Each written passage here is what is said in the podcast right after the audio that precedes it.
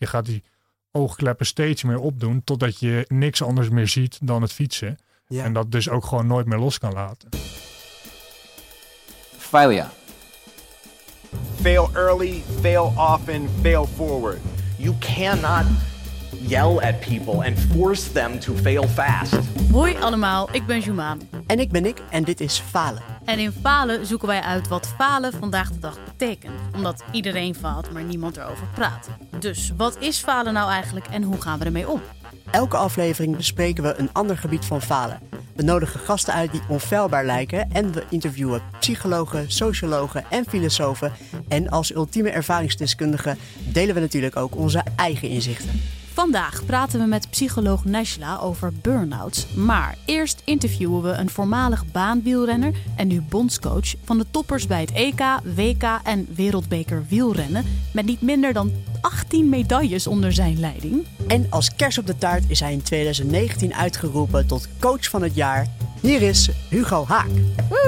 Hallo Hugo. Hallo, hallo. Welkom. leuk. om er te zijn. Ja. Ja, te gek. Hoe gaat het met je? ja, wel goed eigenlijk. Eh, het gaat hartstikke goed. Er is veel gebeurd, maar eh, het gaat goed. Ja? En, Ja. en heb je vaker dit soort interviews gedaan of podcasts of dat soort dingen? Eh, podcast is voor mij de eerste keer. Oké. Eh, radio wel, tv-interviews, dat soort dingen. Oh, tof. Eh, maar podcast is echt de eerste keer.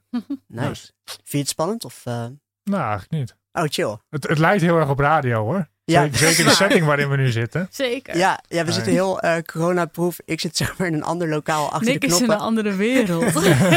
Ik zit ook zo achter, alsof ik zo'n, jullie zo'n interrogation doen van een detective serie. En ik zit erachter te kijken Ja. of iemand de waarheid spreekt.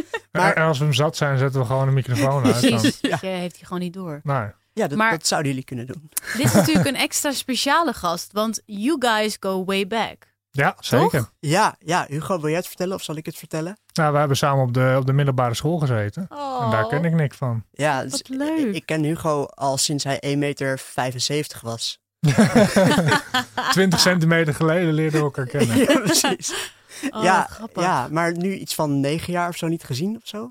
Ja, eigenlijk sinds eh, eindexamen. Ja, Het is toch leuk dat je elkaar dan op deze manier zo in allebei totaal andere velden eh, nou, succes aan het hebben en aan het falen, waar we het later over gaan hebben, ja, precies. eh, weer tegenkomt. ja absoluut. Ja. Ja. zeker. Heel tof. En nou, voordat we zeg maar naar een meest recente faalverhalen gaan of over carrières en zo, gaan we eerst even terug in de tijd. En misschien is het wel de tijd waarin eh, nou, je Nick eh, ook kende, dat Ja, weet ik niet. Maar wat is jouw allervroegste faalherinnering? Ja, daar heb ik dus heel lang over na zitten denken. Mhm. Ehm, maar ik, ik vind dat een hele moeilijke. Ja? Ja? Wat, wat is nou echt voor de eerste keer dat ik gefaald heb? Ik heb eigenlijk geen idee. Nee? Wat, wat is falen voor jou? Wat vind jij het verschil tussen een foutje en een faal? Ik, ik vind falen klinkt wel heftiger dan een, fa- een foutje maken, zeg maar. Ja. Ehm, falen klinkt natuurlijk ook heel erg zwaar. Ik bedoel, het, is ook een zwaar thema, zeg maar. Waar het, het is niet dat je op maandagavond even naar jullie gaat om lekker over eh, iets luchtigs te praten. Nee, dat is zo. Eh, omdat ja, de, de component emotie is natuurlijk ook heel groot daarin. Ja. Ehm, maar falen, ja. Voor de eerste keer. Heb ik niet echt een gedachte. Oké. Nou, misschien alleen maar beter. De, weet je, de meeste mensen zeggen dan, die, die koppelen het heel erg aan een schaamtegevoel. Dus eh, ik heb gewoon een keer in het Ja. openbaar in mijn broek geplast of dat, weet je, dat soort dingen. Ja. Ehm, Ja, ja. Ja, Maar dat hoeft niet, hè? Dat is niet per se dat Nee. we nu bij jou een soort faalverhaal opdringen. Nee. Nee, nee, Die er nooit is geweest. iets moet verzinnen. Ja. En dat, ehm, vind je het makkelijk om te praten over falen? Eh, jawel. Ja? Ja, ik vind dat, dat, hoort er ook bij. Ja, Gewoon is een zo. stukje van zelfreflectie ook. ja, absoluut. Dus nou, ik, ik vind het niet moeilijk om daarover te praten. Hoe ben je bij het wielrennen terechtgekomen? Ja, Bij het wielrennen eigenlijk... ehm, ja, dat komt eigenlijk bij mijn oom vandaan en bij mijn neef. Oh ja? Eh, ja, die fietste wel eens recreatief. En nou, daar wilde ik wel eens eh, mee mee. En er was een jongen in, bij mij in de straat, of bij mijn ouders in de straat destijds. Die eh, zat op een wielervereniging, die was lid. Nou, zo ben ik een keer met hem meegegaan. Ja. En ja, daar ben ik eigenlijk blijven hangen. Tof. Hoe oud was je toen? Ehm, toen was ik een jaar of twaalf. Dus ik heb daar- daarvoor heb ik nog gehockeyd. En ik heb het ook twee jaar nog gecombineerd. En dan Ja. op een gegeven moment moet je een keuze maken. Mhm. En Ja. is, het, eh, is het fietsen geworden. Wat goed. De goede keuze, denk ik. Ja, Ja, ja, toch zeker. wel. Ja. Oh. Ja. Wa- Wanneer, want op je veertiende heb je toen hockey laten gaan en ben je volledig gaan focussen Ja. op uh, ja. Ja, wielrennen. Klopt. Tof. Wauw. En, en wat, wat is het aan wielrennen? Of het nou nu als trainer is of toen je het toen deed zelf. Maar wat was het daaraan wat je zo trok aan die sport? Eh, nou, in eerste instantie deed ik dan wegwielrennen. Ehm, dus was het ook echt wel de, de Tour de France en eh, nou, de grote voorjaarsklassiekers, zeg maar, waar je dan op tv naar keek. Ja. En nou, dat probeerde je dan een beetje na te doen. Oh ja. Ehm, nou, en uiteindelijk ging het bij de jeugdcategorie ook wel snel heel erg goed. Ehm, nou, en dan er- er- ervaar je die succeservaringen, zeg maar. Mhm. En dan denk je, oh, dit is wel leuk. Ja. Ehm, nou, ja, toen heb ik uiteindelijk de keuze gemaakt om te gaan fietsen, omdat dat uiteindelijk beter ging dan het niveau waarop wij hockeyden. Ja. Nou ja, zodoende ben ik daar eh, blijven hangen. ja. En had je ook, denk je dat je ook meer plezier of voldoening uit, eh, uit wielrennen halen omdat het beter ging dan hockey? Ehm, ik, ik denk het wel. Oh ja. Ja, ik denk dat het ook wel, het het was meer prestatiegericht ook. Oh ja. Ja. Ja. Ben je van jezelf heel prestatiegericht? Ja, ja, ik heb daar wel. eh, Ja? Ja. En dan vooral bij wielrennen of bij sport en coaching of op elk vlak van je leven? Eigenlijk wel op elk vlak, ja. Ik probeer altijd wel iets te doen wat dan ehm, eh, zorgt dat je er beter van wordt. En- En, eh, op een gegeven moment heb je de, de, zeg maar, de switch gemaakt naar, naar het coachen. Maar daar gaat wel een ander verhaal aan vooraf. Wat je ons ook met ons deelde. Wat, wat was eh, wat zeg maar samenhangt voor jou met het gevoel van dat dat moeilijk voor je was? Ehm, ja, dat is uiteindelijk is dat, daar heb ik het vandaag ook nog over gehad op de baan. Ehm, Uiteindelijk wat ik daar heb gedaan is, ik wilde heel graag naar de Olympische Spelen. Dat was al heel lang een doel voor mij. Mhm. Ehm, en ik heb ook ehm, in 2012 meegedaan in aanloop naar de Spelen van Londen. Dat hebben we destijds net niet gehaald. Ja. En toen heb ik in 2013, eigenlijk het begin van de nieuwe Olympische cyclus, heb ik gezegd, ja, ik moet de volgende Spelen halen. Hmm. En als ik dat niet haal, dan stop ik ermee. En dat heb ik eigenlijk zo vaak tegen mezelf gezegd, ehm, dat het uiteindelijk ook een, een hele grote druk werd om die Spelen te halen. En, Ja. en zeker als er dan een, een testevenement eh, aan vooraf gaat, waar je dan moet presteren om naar die Spelen te gaan, dan wordt de druk gewoon heel erg hoog. Ja, Ehm, en daar heb ik het niet gehaald. En omdat ik nou ja, zo vaak tegen mezelf heb gezegd van als ik niet ga, dan stop ik ermee, was min of meer mijn topsportcarrière daar voorbij. Ja, ja, ja. Ehm, omdat het heeft daarna heb ik nog wel een jaar doorgetraind, maar het heeft nooit meer zo gevoeld als, eh, als voor die jaar. En Nee. hoe komt dat dan? Waarom, waarom gaf je jezelf dat ultimatum als het ware? Want je had ook gewoon kunnen denken, natuurlijk als ik dat niet haal, is Ja. het heel kut en voel ik me heel kut, zeg Ja, maar. ja. Maar waarom stoppen met de sport, zeg maar? Nou ja, dat, dat is hoe je er achteraf op terugkijkt. Van ja, wat is dat eigenlijk voor een domme gedachte geweest? dat je dus je hele topsportcarrière verbindt aan één wedstrijd, één dag in augustus. Ja, ja. Ja, dat is, eigenlijk is dat totaal niet logisch. Terwijl je hebt elk jaar heb je een EK, je hebt een WK, je hebt eh, vier wereldbekers, zeg maar. Dat is ook hartstikke mooi om aan Ja. mee te doen. zeker. Alleen uiteindelijk is toch de, de, de- Olympische Spelen dat hoog, hoogst haalbare waar je aan mee wil doen. Ehm, en ja, omdat je dus die ehm, focus hebt gericht op prestatie, wil je gewoon het hoogste bereiken daarin. ja. Eh, en dat heb ik gedaan. Alleen, nou, dat heeft uiteindelijk ook consequenties gehad. Mhm. Eh, achteraf zou ik dat heel erg anders hebben gedaan. Ja, wat zou je anders hebben gedaan? Nou, ik zou nooit ehm, zo over die spelen na hebben gedacht. Van als ik dat niet haal, dan stop ik ermee. Want het is nog veel te mooi om eh, eh, nou ja, die andere wedstrijden te rijden. Ja. En eh, ik was op dat moment eh, was ik 25. Nou, dat is niet echt de leeftijd om je topsportcarrière al te beëindigen. nee. Nee. Maar er, er wordt toch ook bij de Olympische Spelen, of überhaupt bij topsport, zo'n enorme druk gelegd op jeugd en zo. Alsof het voorbij is. Weet je wel, als je het op je 22 niet hebt gehaald, dan. Weet je wel, eh, ik bedoel, Nou, dat, dat, dat heb ik wel echt er- anders ervaren. Ja? Ehm, ik, ik ben in mijn sportomgeving en ook in de omgeving thuis, zeg maar, wel zo eh, ontwikkeld tot mijn 18e, 19e, zeg maar, dat het gewoon alleen nog maar plezier was. vet. Oh, goed. uiteindelijk ben ik ook ehm, ehm, een professioneel pas op mijn 18e of 19e echt serieus beginnen te trainen. Want toen, toen pas kwam ik op Papendal en dat, is- dat is eigenlijk heel erg laat. Ja. Ehm, hey, we- we- ze komen nu binnen op een leeftijd van 15, 16. Zo. Dus ja, eigenlijk heb ik dat tot mijn 18e, 19e ervaren van ja, je moet vooral doen wat je leuk vindt. Eh, en dat werd uiteindelijk iets waar ik heel goed in werd. Ja. En toen ben ik me er ook op gaan richten van, nou ja, en dan komt uiteindelijk eh, eh, die focus van het moet alleen maar beter, het moet alleen maar sneller Ja. en het hoogst haalbare. En, ehm, want je hebt daarna nog een jaar doorgetraind. En hoe kun je beschrijven hoe dat anders voelde dan voor die kwalificatie? Ik, ik had helemaal niet meer ehm, de gedrevenheid die ik daarvoor had. Dus ik heb daarvoor heb ik altijd de instelling gehad ehm, om ervoor te zorgen dat ik uiteindelijk de beste wedstrijd fiets. Moet ik Mm. ervoor zorgen dat ik elke dag het maximale eruit haal. Ja. Of liever nog elke herhaling. Dus elke squat, elke pedaalomwenteling moet gewoon goed zijn. Zo. En zo, zo heb ik er naartoe geleefd. Alleen op het moment dat dus Rio kwam en ik heb dat gemist, ja, heb ik getraind, maar nooit meer met volle overgave. Ja. Ja. Dus daar, daar miste wel echt iets uiteindelijk. En was het dan niet misschien meer dan alleen maar dat ultimatum wat je niet had gehaald? Als in, heb je het idee dat er toen gewoon iets los was gebroken wat je al een tijdje wist? Namelijk dat je interesse toch in iets anders lag? Of was het wel echt dat ultimatum wat je niet had gehaald, dat je daardoor die passie een beetje verloor, zeg maar? Nee, ik denk wel echt dat het het ultimatum was. Oké. Ja. Want het kwam voor mij ook een beetje als verrassing. Zo van ehm, dat je weer begint met trainen nadat je eh, de spelen hebt gemist. En Mhm. dat dan in één keer het gevoel ontstaat, hé, hey, er mist iets, weet je wel. Ja. Ja. Hey, ik heb niet meer dat gevoel zoals het was in aanloop naar de Spelen. Wat is dat? Ja. Ehm, dus voor mij kwam dat achteraf ook pas als een verrassing. En ben ik over na gaan denken van, oh ja, dat komt waarschijnlijk doordat ik altijd tegen mezelf heb gezegd van, ja, ik moet dat halen. Ja. Ja. Maar het lijkt me ook heel moeilijk, want je kwalificeert dus eh, je samen met drie anderen. Dus er gaan vier mensen mee naar de Olympische Spelen, toch? Ja, in totaal gaan, gaan er vier, ja. Ja, dus eh, het lijkt me heel moeilijk dat je echt eh, je ultieme... Het zijn je teamleden en je collega's, maar op dat moment ook je concurrenten. Is dat moeilijk te rijmen?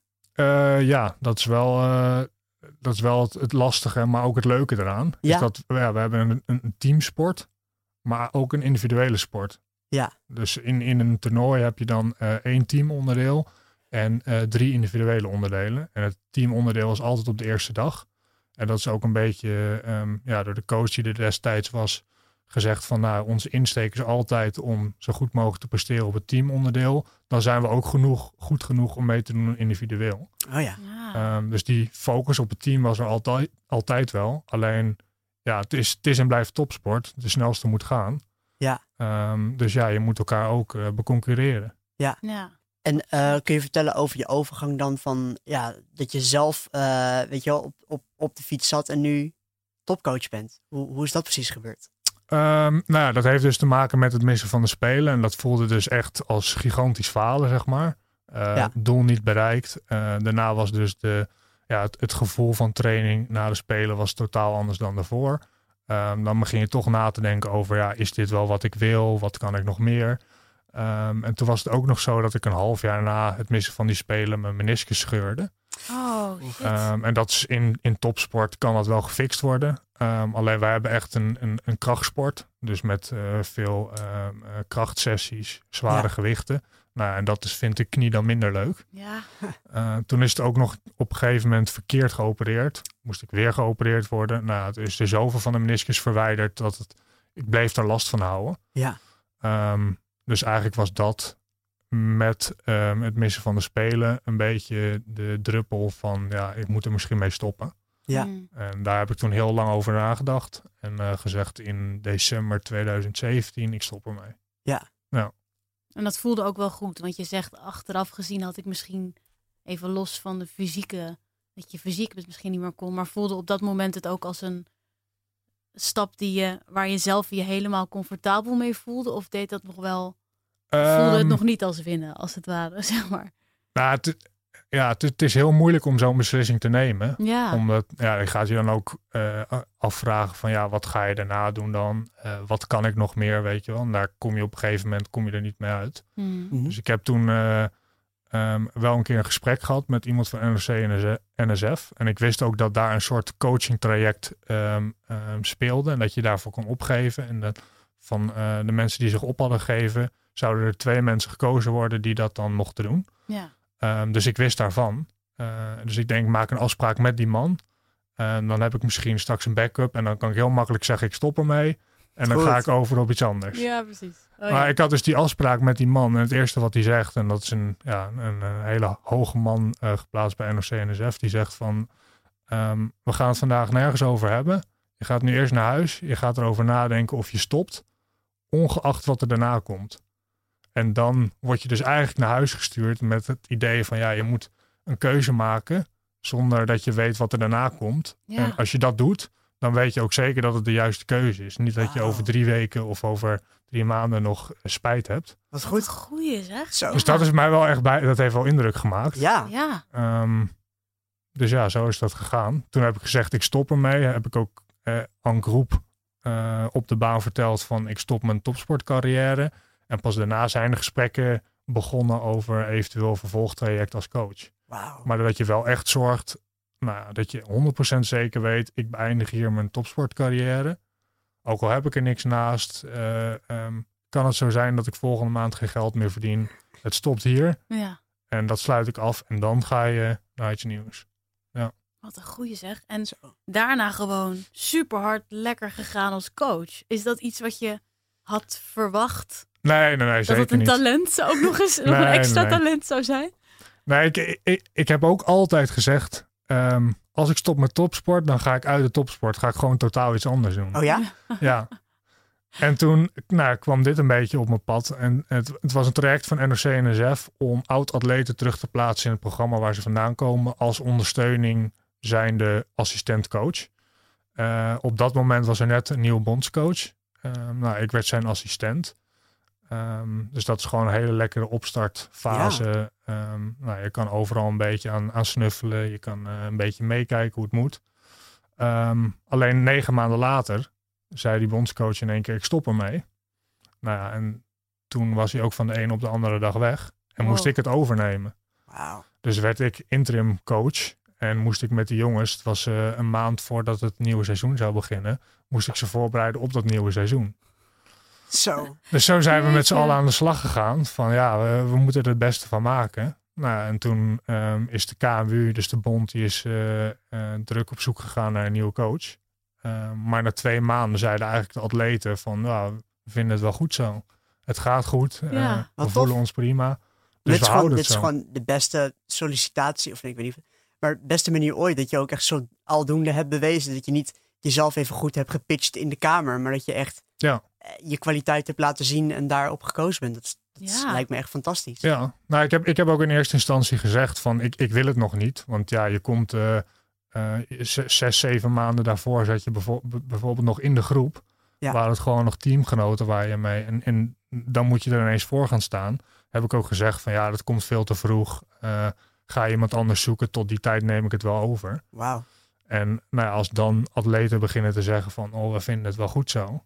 Ja, dan eh, is dat wel een bijzondere situatie. Ja, dat is een groot compliment natuurlijk. Ja, Ja. dan Ja, heb je gewoon de ultieme, het ultieme respect gewonnen van Ja. je. Ja. Ja. Maar zo ben je dus in ja, tien maanden tijd van eh, oud sporter ben je in één keer bondscoach van eh, ja, de succesvolle baanwielrenners. ja, Absurd. ja.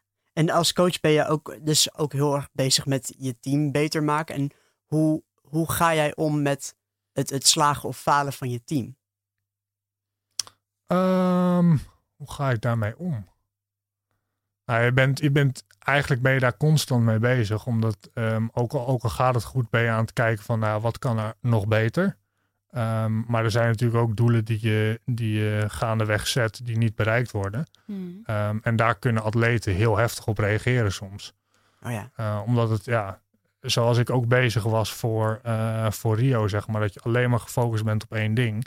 En als, dat, uh, als je dat niet haalt of daarin faalt, dan vergaat ineens de wereld. En dan, Ja. Maar eigenlijk is dat niet zo. nee. Dus je probeert ze dan wel in te zien dat het allemaal relatief is, dat het de volgende keer wel weer goed komt. En Ja. nou, dan, dan um, ja, probeer je het een beetje te evalueren Wat- en zo weer verder te gaan. goed. En, ehm, want je, je hebt natuurlijk zelf die herinneringen van hoe dat toen was. En heb je het gevoel dat dat jou heel erg sterkt als coach? Of dat het je ook, ehm, ja, dat het misschien ook te moeilijk is om mensen te moeten zeggen van je bent helaas niet goed genoeg op dit moment? Um, ik denk juist dat het heel erg fijn is om dat zelf meegemaakt te hebben. Omdat je dan ook weet wat uiteindelijk de impact voor iemand is om dat te horen, eh, te krijgen. Ja, Ja. Ehm, ja, zo is, zo is het heel fijn dat je al die dingen zelf hebt meegemaakt. Dat je gewoon weet wat voor impact dat voor iemand heeft. Mhm. Ja. En wat, wat is het allereerste, dat vind ik gewoon altijd leuk om aan mensen te vragen. Wat is het allereerste wat je doet bij het gevoel alleen al van falen? Zeg maar, wat is dan het- qua gedrag het eerste wat je, of wat je denkt of wat je gaat doen? Of, het mag ook, eh, we hebben allemaal destructieve Oeh. dingen gehad ook in deze show. Dus het mag allemaal bestaan. Eh, ja, ik, ik denk wat er op ruimte van balen. Ja. ja. Zeg maar zo. Bedoel je, ja, in één keer wordt het heel negatief. Je hebt het niet gehaald. eh, eh, ja, al, alles staat tegen, zeg maar zo. Ja. Ehm, dus dan zit je echt puur in die emotie. En ik denk dat het ook goed is om die emotie dan de ruimte te geven om nou, ja, te reageren op dat falen. Ja. Maar uiteindelijk moet je er ook wel voor zorgen dat je het gaat analyseren en gaat reflecteren en dan verder kijkt hoe het anders kan. Ja, want Hoe je je hebt, het je anders hebt gaat wel doen. dat je inderdaad altijd het gevoel hebt dat je er wel iets aan moet doen. In de zin van falen is, is dat voor jou ook echt zo van het Dat moet een les zijn. Moet, ja, dat het beantwoord Ja. moet Ja, worden ja. met verbetering. Ja, Of iets. Oh ja. Ah, wat inspirerend. nou, Ja. maar uiteindelijk komt daar natuurlijk ook eh, vandaan dat je van, van fouten maken of van falen leert, zeg maar. Mhm. Eh, ik, ik vind ook wel dat je dat soort dingen, hoe eh, vervelend het ook is op dat moment, moet gebruiken om er uiteindelijk beter van te worden. Ja. Ja. Dat het je niet nog een keer gebeurt of dat je, als het nog een keer gebeurt, je, je beter kan reageren op zo'n situatie. ja. Ja. En heb je het gevoel dat ehm, sporters die gewoon grappig genoeg heel vaak bezig zijn met falen in de zin van gewoon fysiek wat hun lichaam op dat moment kan, Mhm. dat die anders omgaan met falen dan niet-sporters? Ehm, ja, ik denk dat die wel ehm, eh, wat meer prestatiegericht zijn. Zo van, ja, het, het moet dus de volgende keer beter, want dit kom je nog een keer tegen. En dan ehm, zorg ik ervoor dat ik die situatie onder controle heb. Ja. Die kunnen er bijna praktisch naar kijken en het ook misschien wel meten, dat falen of zo. Dat ze dan weten, oké, Ja. ik heb nu dit niet gehaald, deze afstand of deze snelheid. En dan nu, Ja, Ja, hoe ga ga ik dat de volgende keer ervoor zorgen dat ik het wel haal? ja, En dat Ja. ik er dus niet faal of niet van hoef te balen dat ik het niet gehaald heb. ja. Ja. Wauw. Ja. En, En, en, fijn. je hebt ons van tevoren ook iets gezegd ehm, dat je een burn-out hebt of hebt gehad. Zou je Mhm. daar iets over kunnen vertellen? Nou ja, ehm, ik, ik heb net verteld dan hoe de, dat traject is gegaan van ah, stoppen, eh, carrière, ehm, hoe ben je in het coachen gerold, zeg maar. En vanaf het moment dat die atleten dus zeiden van ik wil, we willen dat jij bondscoach blijft. Nou, dat is nu eh, ja, bijna twee jaar geleden. Eh, in, die, in die periode is er zoveel gebeurd. Ehm, ja, je wordt eigenlijk vanaf vanuit het niets word je voor die groep gezet. Ehm, ze presteren gigantisch goed. Ehm, dat gaat allemaal, eh, gaat het in een soort van flow, doe je dat, zeg maar. Ehm, totdat je bijvoorbeeld een, een, een prijs krijgt voor eh, coach van het jaar. Ja. Dat je eh, daar in één keer staat. En dan pas besef je van, wow, wat is er allemaal gebeurd? Wat heb ik gedaan? En dan begin je jezelf vragen te stellen van, waarom heb ik deze prijs gewonnen? Wat doe ik dan dat er zo bijzonder is? Daar heb ik mezelf nooit echt de tijd voor gegeven om daarover na te denken. En dat is eigenlijk pas gekomen na het winnen van die prijs. Wat grappig, maar En- is dat dan een soort van, wat, wat ze ook wel eens noemen, het imposter syndroom? Dat je het gevoel hebt, ik heb dit gewonnen, Maar wat te gek is, maar waarom heb ik dit eigenlijk verdiend? Of zo? Is het een soort, komt het met twijfel? Of bedoel je gewoon echt meer reflecterend, wat heb ik gedaan de afgelopen tijd? Nou, ik denk dat het ook wel met twijfel komt, zeg maar. Ja. je voelt je, ja. Eh, De afgelopen twee jaar heb ik gewoon gedaan wat er in me opkwam, wat, wat ik dacht dat goed was, zeg maar. Met een clubje mensen, die ken ik al heel erg lang. Maar uiteindelijk ehm, ja, lever je daar toch wereldprestaties mee af. En heeft dat een impact en zien andere mensen dat. En nou, dat komt dan in één keer voorbij als je zo'n prijs wint. En dan is het in één keer het besef daarvan, wow, Ja. ja, dat, dat hebben we allemaal gedaan. Ja. Ehm, maar ja, waarom heb ik dat voor elkaar gekregen? Of eh, waarom hebben de renners destijds voor mij gekozen? Eh, ik, ik doe ook maar wat, weet je wel. Zo, zo Ja. begin je dan te denken. Ja, Nou, dat eh, eh, gevoel en die gebeurtenis na dat sportgala. ehm, ehm, met daarbij de, de stress die we hadden richting de Spelen. En we hadden in afgelopen februari nog een heel belangrijk WK. Mhm. Dat, eh, daar zaten we ook echt midden in de, in de voorbereiding. Ehm, ja, dat zorgde allemaal voor ehm, ja, dat het uiteindelijk te veel werd rondom dat WK. Ehm, en daar ehm, is denk ik eh, wel een beetje de, eh, de bom gebarsten van, nou, nu wordt het wel heel erg veel bij elkaar. Ja. Hm. Ehm, dus toen heb ik echt eh, het WK dan op, op mijn tandvlees gedaan. Met de gedachte, daarna had- heb ik vakantie. Ja. Eh, hadden we twee weken vrij, was het nog steeds niet weg dat gevoel. Dus ik dacht, ja, hier, hier klopt iets niet. Eh, ik had nog steeds geen zin om weer te beginnen of om aan werken te denken, zeg maar. Ja. Eh, toen kwam corona. Nou ja, Ja. dat was voor mij dan wel weer een beetje, eh, nou, in die zin positief van eh, je hebt tijd om over dingen na te denken, want het programma ligt even stil. Ik kan nog een aantal weken uitrusten zo. Ehm, dan pak ik het daarna wel op. Ja. Alleen ik, ik heb die tijd heb ik ehm, ehm, fysiek heel erg uitgerust. Maar mentaal was je altijd nog bezig met dat programma van eh, hoe moet dat nu? We moeten alternatief trainen. Ja. Nou, uiteindelijk spelen worden verschoven. Nou, dat is voor iedereen al vervelend. Ja. Dan daarna de gedachten van hoe gaan we dat dan doen als de spelen volgend jaar zijn. Dus je, je blijft ermee bezig. En ik, ik was nog steeds heel erg gefocust van ja, ik, ik moet gewoon het beste doen voor het team. En alles perfect regelen. Ja. Ehm, en daardoor heb ik het zelf mentaal ook nooit losgelaten. Ja. Nou, en toen, het moment dat wij weer begonnen te trainen in juni, toen kwam in één keer, ja, eh, dit, dit werkt zo niet. Ik moet eh, er echt eventjes tussenuit. Ehm, dus toen heb ik ook gezegd van, ja, ik, ik kan niet verder zo. Ehm, het moet hier even stoppen. Ik neem een aantal weken vrij om, eh, om uit te rusten. Nou, dat is nu een week of negen, tien geleden. En hoe uitte zich het bij jou dat het te veel werd voor je? Ehm, nou, in eerste instantie dus met, eh, met vragen die je zelf gaat stellen. Van nou, waarom doe ik dit? En eh, eh, ja, daar, daar, daarmee komt ook een beetje de onzekerheid. Ehm, toen heb ik rondom dat WK heb ik echt wel momenten gehad dat ik gewoon ehm, ja, in, in paniek raakte. Zo van, nou, ik, ik voel iets wat, wat niet klopt. Oh ja. Uh, dus dan krijg je een beetje paniekaanvallen, weet je wel. Mm, En uiteindelijk ehm, kwam dat daardoor, maar je bent nog heel erg met dat WK bezig. Dus je denkt dat komt door de stress van het WK, dat is daarna wel over. Ehm, maar er zat gewoon in de, in, de, in de hele basis iets niet goed. Ja. Nee. Ehm, dus ja, zo uitte dat eigenlijk. Ja. En ehm, je werd ook steeds moeier, vermoeider. Ja. Ehm, dus ja, dat, dat waren dingen waaraan je het echt wel merkte. Ja. En eh, nou, ja, toen ik gestopt was, ehm, een aantal weken geleden, dan merk je ook van ja, nu ga je uitrusten en word je heel erg moe.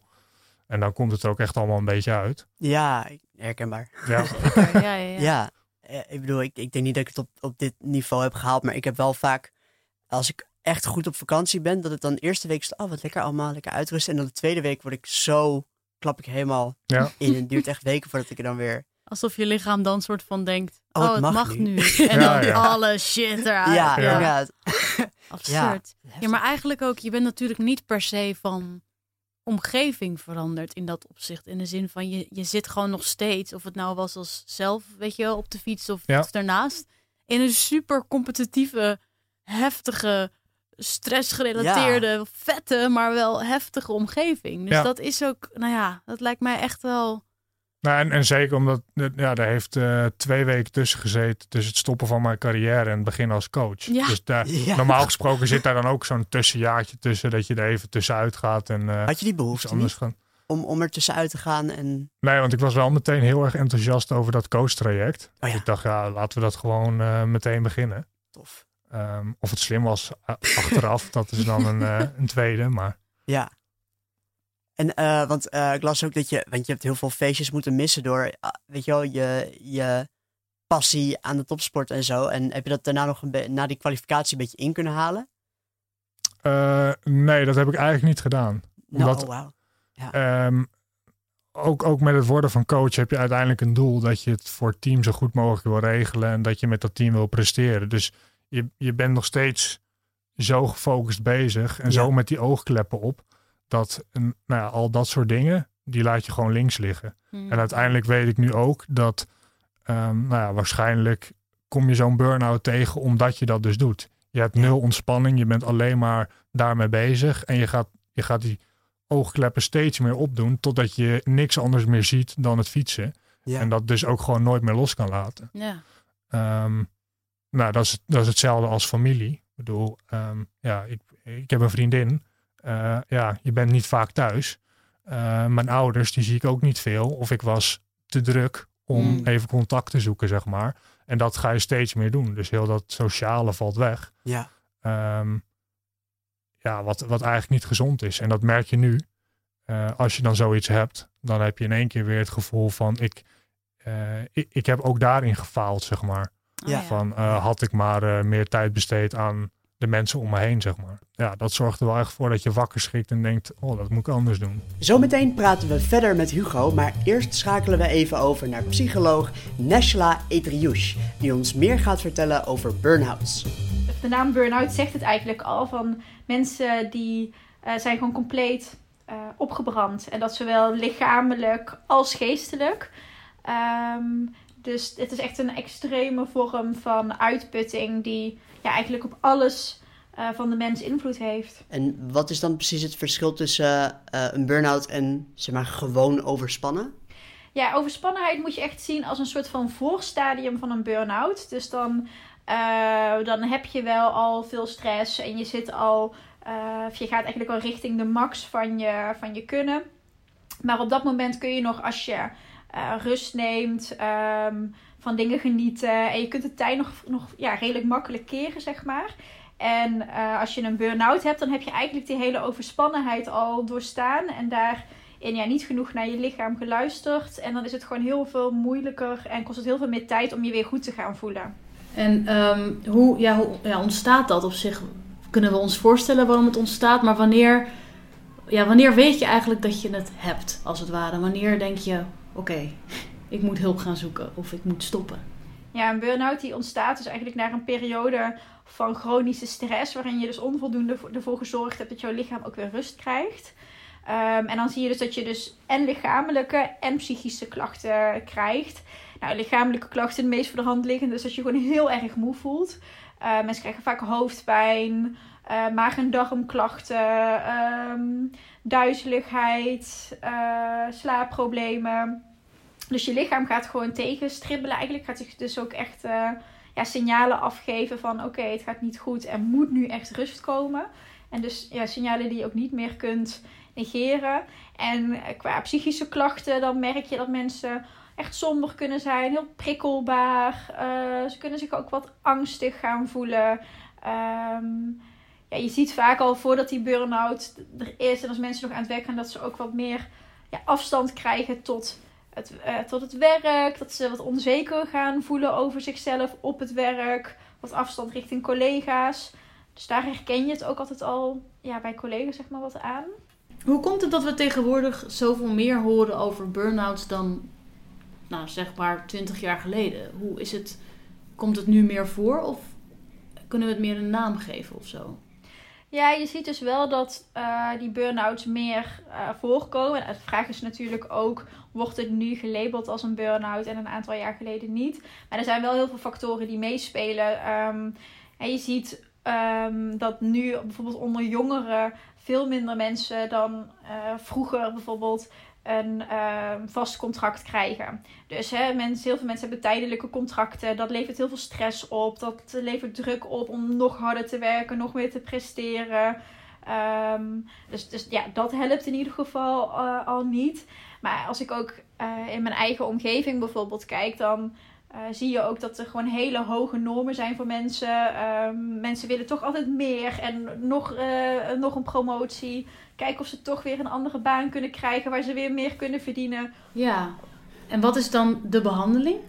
Ja, allereerst kan ik dus niet als psycholoog eh, genoeg en vaak genoeg zeggen van zorg dus dat je die burn-out voorkomt. Dus als je al van tevoren die signalen merkt, ga dan dus al aan de slag. Want de meeste mensen voelen eigenlijk al maanden ehm, allerlei kenmerken en denken dan nee, ik ga toch nog die eindstreep halen of ik ga toch nog een tandje bijzetten en eh, dan heb ik misschien vakantie. Maar ja, dan, dan ben je dus eigenlijk al te laat. Uh, want als je dus echt een burn-out hebt, dan kost het ook echt een langere periode van heel veel rust um, en ontspanning proberen te zoeken voordat je weer uh, op de rit bent. En dan is het gewoon de eerste stap om naar de huisarts te gaan en ook te kijken of je professionele hulp daarbij kunt krijgen. Nee. En dat duurt dus best lang. Dat kan echt wel maanden duren dat je die rust moet pakken voordat je weer als het ware de oude bent, zeg maar. Ja, dat, ligt, dat verschilt natuurlijk echt uh, per persoon. Dus ook hoe vroeg je erbij bent, um, hoe je omgeving eruit ziet, uh, hoe lang dat het dus ook duurt.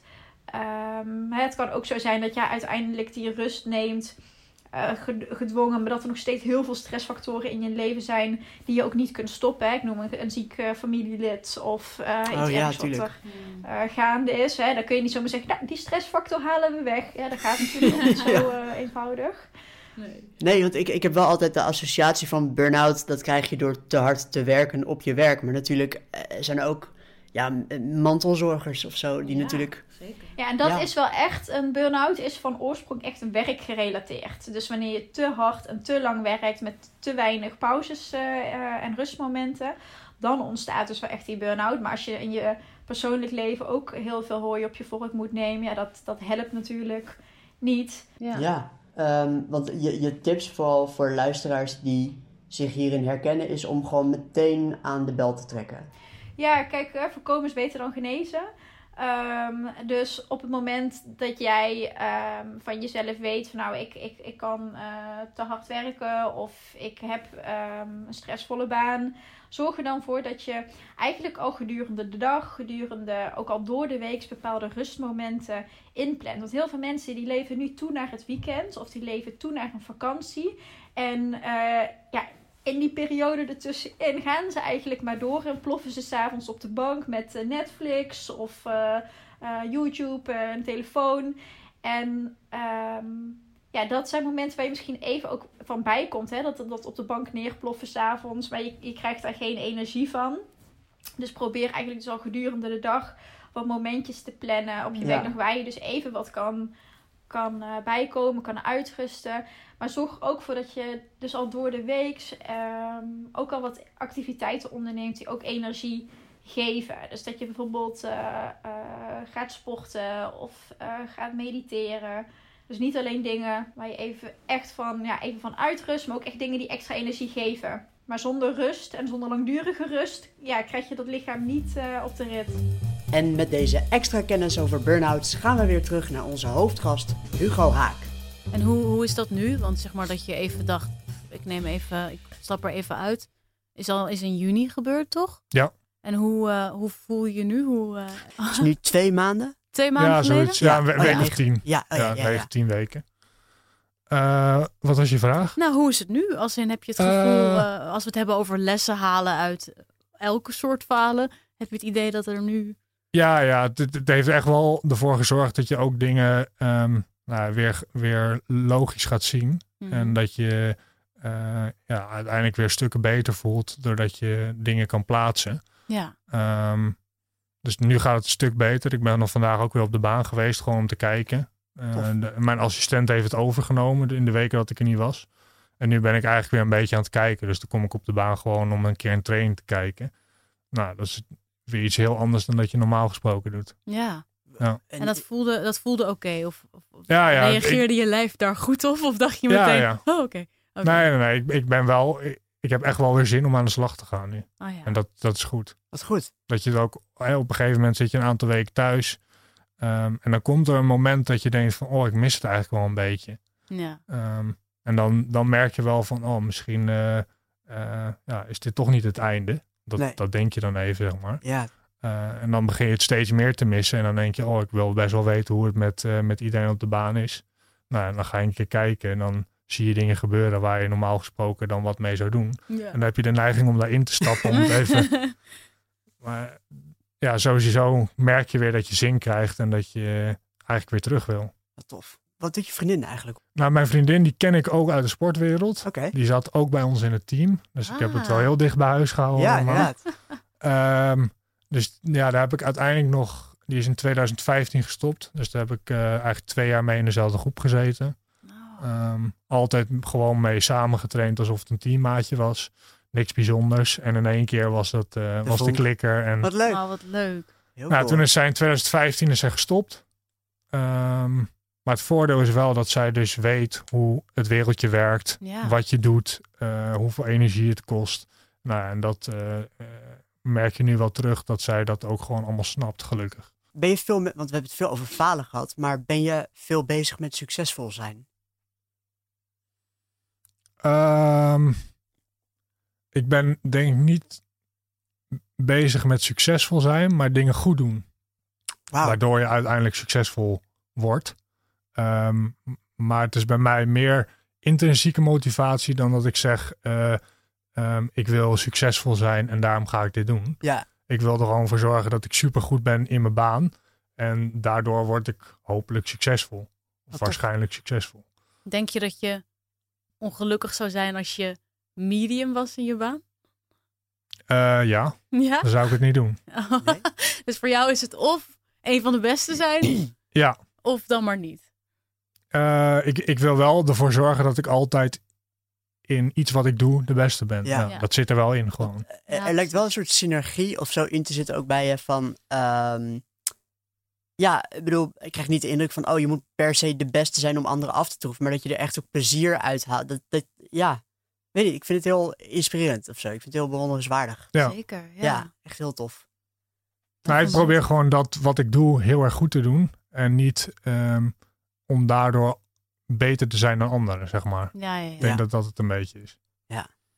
Je hebt ooit in een interview gezegd, je kan ook als coach, je kan het niet half doen of zo. Je bent echt van 's ochtends vroeg tot 's avonds laat op de Ja. baan om alles perfect te regelen voor, voor je, je team, zeg maar.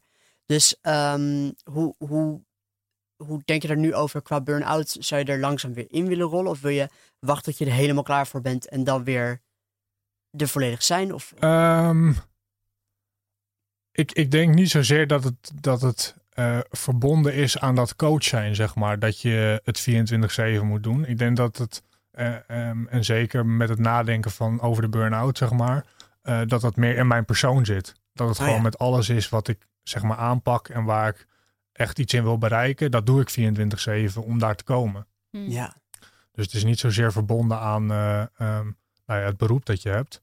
Maar het is meer een eigenschap wat ik heb. Ehm, ik zou er nu wel voor zorgen dat dat meer in balans is, ja. Ja. Dat je niet alleen maar dus die oogkleppen ophoudt en gaan en de rest moet allemaal wijken. Ja. Omdat je dus ook energie en ontspanning haalt aan, uit die dingen die je normaal gesproken ehm, eruit hebt gefilterd. oh ja, ja. heel cool. Goeie. En, en nog over je burn-out, heb je eh, advies aan mensen die daarmee eh, kampen of denken, denken dat ze het misschien wel hebben? Ehm, ja. Ehm, en dat gaat ook over dit thema. Omdat je in eerste instantie heel erg denkt van ik faal in, in mijn job. Mhm. Ehm, ik, ik, ik moet, eh, dat, zo heb ik het ervaren, ik moet doorwerken. Want ik, ik kan niet zeggen ik stop ermee, weet je wel. Want dat, ja, dat zou echt als falen voelen. Ja. Alleen, zoals ik er nu naar kijk, zou het juist eh, een faal geweest zijn als ik was doorgegaan. Omdat ik niet meer dat kon leveren voor het team eh, wat ik uiteindelijk wilde leveren. Want zij hadden op dat moment niet zoveel meer aan me. Mhm. Omdat ik gewoon, ja, ik, ik, ik, was, ik was klaar. Ik was opgebrand. ja, Ehm, en dan denk je heel erg bij jezelf, ja, het is echt wel falen als je nu stopt en je laat ze in de steek.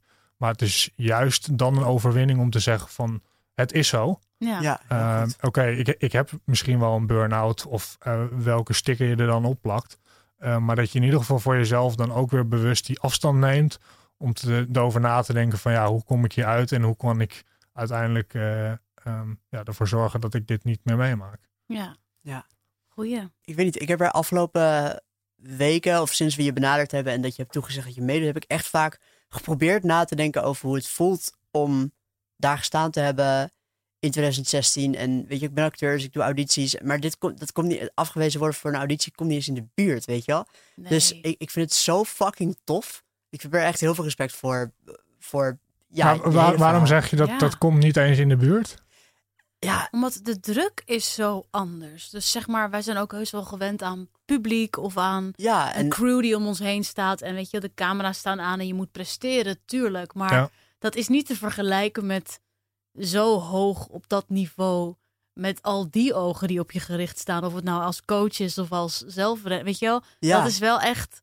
Ik bedoel, ik, alleen al bij de gedachte zou ik eh, best wel al flippen, zeg maar. Nee, echt. ja, Maar het, het is toch uiteindelijk zo dat jullie, jullie hebben ook wel een doel dat je denkt van eh, in die film zou ik echt wel willen staan. zeker. Dat je dan eh, een auditie doet en daarvoor afgewezen wordt, dan kan dat toch ook zo Ja, aankomen. Ja, Ja. Ja, maar het is wel dat, dat weet je, voor een, stel ik doe auditie voor een film die ik heel graag wil doen en het ziet er fantastisch uit, het script, en ik word het niet, dan, dan een jaar later weet ik het vaak niet meer, weet je wel. Maar bij de Olympische Spelen, wat eens in het vier jaar is, wat, wat zo'n punt aan de horizon is, dat is bij acteren minder, minder, Ja, omdat je meer alternatieven hebt dus. Of meer... Ja. zoiets. Ja, en dat denk ik. meestal kan het ook gewoon, dat is gewoon meer ook hoe het vak werkt. Het kan liggen aan dat je niet bij de rol past. Terwijl als we het hebben over sportprestaties, dan het zijn jouw op de scores. Het zijn jouw, weet je, het is jouw afstand, jouw. Dus dat is zo, dat, dat kan niet anders dan persoonlijk. Ja. Dat, is de, dat, dat lijkt mij dus het meest uitdagende aan in sporten falen. En daarom denk ik dat sporters er op, eh, weet je wel, echt als titanen beter mee kunnen omgaan. Dat, is, dat heeft gewoon met je lichaam te maken, met wat jij bent of zo. En dat, Ja. Ja, dat is wel eh, fucking inspirerend. Gewoon om te horen hoe, hoe andere velden daarmee omgaan, zeg maar. ja. Ja. Tof. En is er, zeg maar, om even, weet je, de laatste vraag even afronden. Ja. Ja, helemaal goed. Is er een faal of een fout of whatever die je in de toekomst kosten wat, wat kost wil vermijden? Ehm, nou, ik denk dat de grootste les toch wel de, de burn-out was en, en, en waarom je daarin gekomen bent. Dus wat ik net al zei van, nou ja, voor alle dingen waar je eh, ja, je oogkleppen voor hebt opgezet om die niet te doen. Want je bent alleen maar bezig met dat ene doel. Om Ja. die ja, toch erin te brengen. Zodat je ook uiteindelijk die ontspanning hebt. Ehm, nou ja, en het sociale om je heen om eh, ja, er wat luchtiger allemaal over na te denken. Ja, Heel mooi. Echt, nou, heel erg bedankt dat je er was. ja Zo. te gek. Ik vond het echt eh, super inspirerend. Ja, en, eh, jullie ook leerzaam. bedankt. Zeg luisteraar, heb jij nou zelf een faalverhaal dat jij heel graag met ons wilt delen? Stuur hem op als tekst of als audiomessage naar falendepodcast.gmail.com. Hugo is te volgen op Instagram en Twitter via Hugo Haak. En wil je nou meer weten over burn-outs en andere psychische klachten? Volg Psycholoog Neshla op Instagram en YouTube via @psycholoog_neshla. Ook wij zijn te vinden op de socials. Het Falen de podcast op Twitter, Instagram of Facebook. En vond je deze podcast leuk? Stuur hem door naar al je vrienden en geef hem 5 sterren in weet ik veel wat voor podcast app jij luistert. Tot de volgende!